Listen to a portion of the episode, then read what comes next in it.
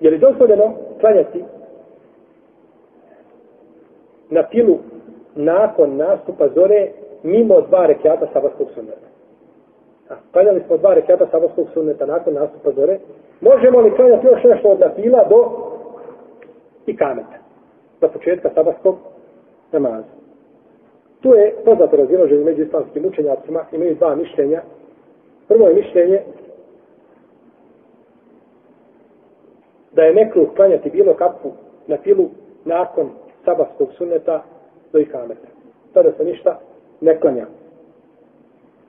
I to je mišljenje većine učenjaka iz prvih pokoljenja. Od njih su Hasan al-Basri i Barahima Nehaj i Ibn Musayyib I ovo je stav hanefijski učenjaka i prenosi se od Ibn Amra i Ibn Omara sa slabim lancima prenosilaca. Kaže je car Meula Ibn Omar, vidio me Ibn Omar da klanjam posle sabahskog, posle nastupa, posle nastupa zore da klanjam na filu, pa mi je rekao, ko je car, poslanik sa osreme izišao jedne prilike kod nas a mi smo klanjali u ovo vrijeme kada ti klanjaš. Pa nam je rekao, rekao da li jesi prisutni odsutnog, nemojte klanjati nakon sabah, nakon nastupa zore osim barakijata. A, neka obavijesti prisutni odsutnog, nema namaza nakon nastupa zore osim sabahskog sunna. Tako je rekao ko? Poslanik sa osrme Ibnu, Ibnu Omaru, I za ovu predaju koju bliži je Davud i imam tirmizi kada je šeha Albani da je vjerodostojna. Drugo mišljenje da nema smetnje u tome času obavljati na file, znači od nastupa zore do ikaneta.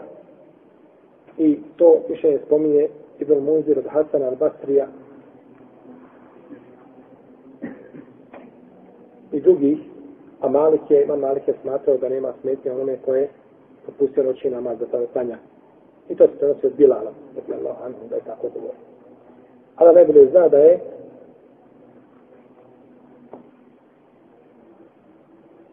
prvo mišljenje jače. Bog Hadisa, Ibn Omar, kome je poslanik sa zabranio da se klanja u tome vremenu, zabranio, nije zabranio, nego je šta?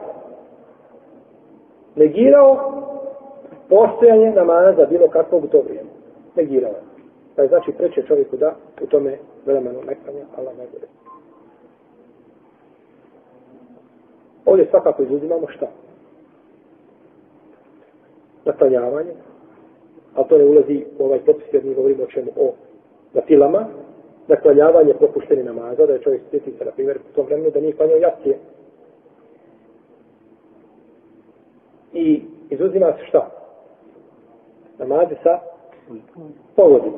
Namazi sa povodima i uzracima, oni se izuzimaju kao da čovjek, recimo, klanjao se u svojoj sunnet sabarski i došao se u džamiju i imaš vremena još 10 minuta do ikameta. Klanio ćeš šta se? Hijetul, mesči, ili se otišao da promijeniš posle suneta abdes, prispavalo se, pa što promijeniš abdes ili, ili si izgubio abdes, nije bitno onda čovjek može klanjati šta? Sunenu vodu i slično, i slično tome.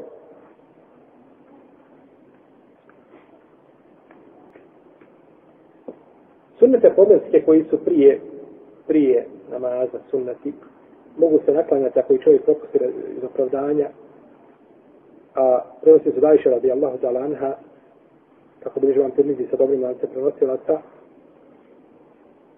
kada ne bi poslanik sa osam uspio klanjati prije podne četiri rekiata, klanjao bi nakon podne namaza. A što se čine naklanjavanje sunneta poslije namaza, sun sunneta, jer što kod nas kaže, nema u tome izrazu ništa ovaj, loše, a međutim nije došao u sunnetu, kao izraz, kao naziv. Nego su ljudi jednostavno dali, znači, nazvali ga tako da ga mogu razlikovati od sunneta prije namaza mogu se naklanjavati posle ikindije namaza koji čovjek ostavi ovaj, po hadisa omu seleme kome se navodi da je upitala poslanika pa sa seleme kada je vidio da je nakon ikindije pa je rekao o kćerko Benu Umeje, pitaš me ova dva rekiata koja je klanjam posle Indije, kaže, došli su mi neki ljudi od Benu Abdul Kajsa, pa su me, kaže, zabavili, nisam uspio klanjati ova dva rekiata, pa i sada klanjam u ovome vremenu.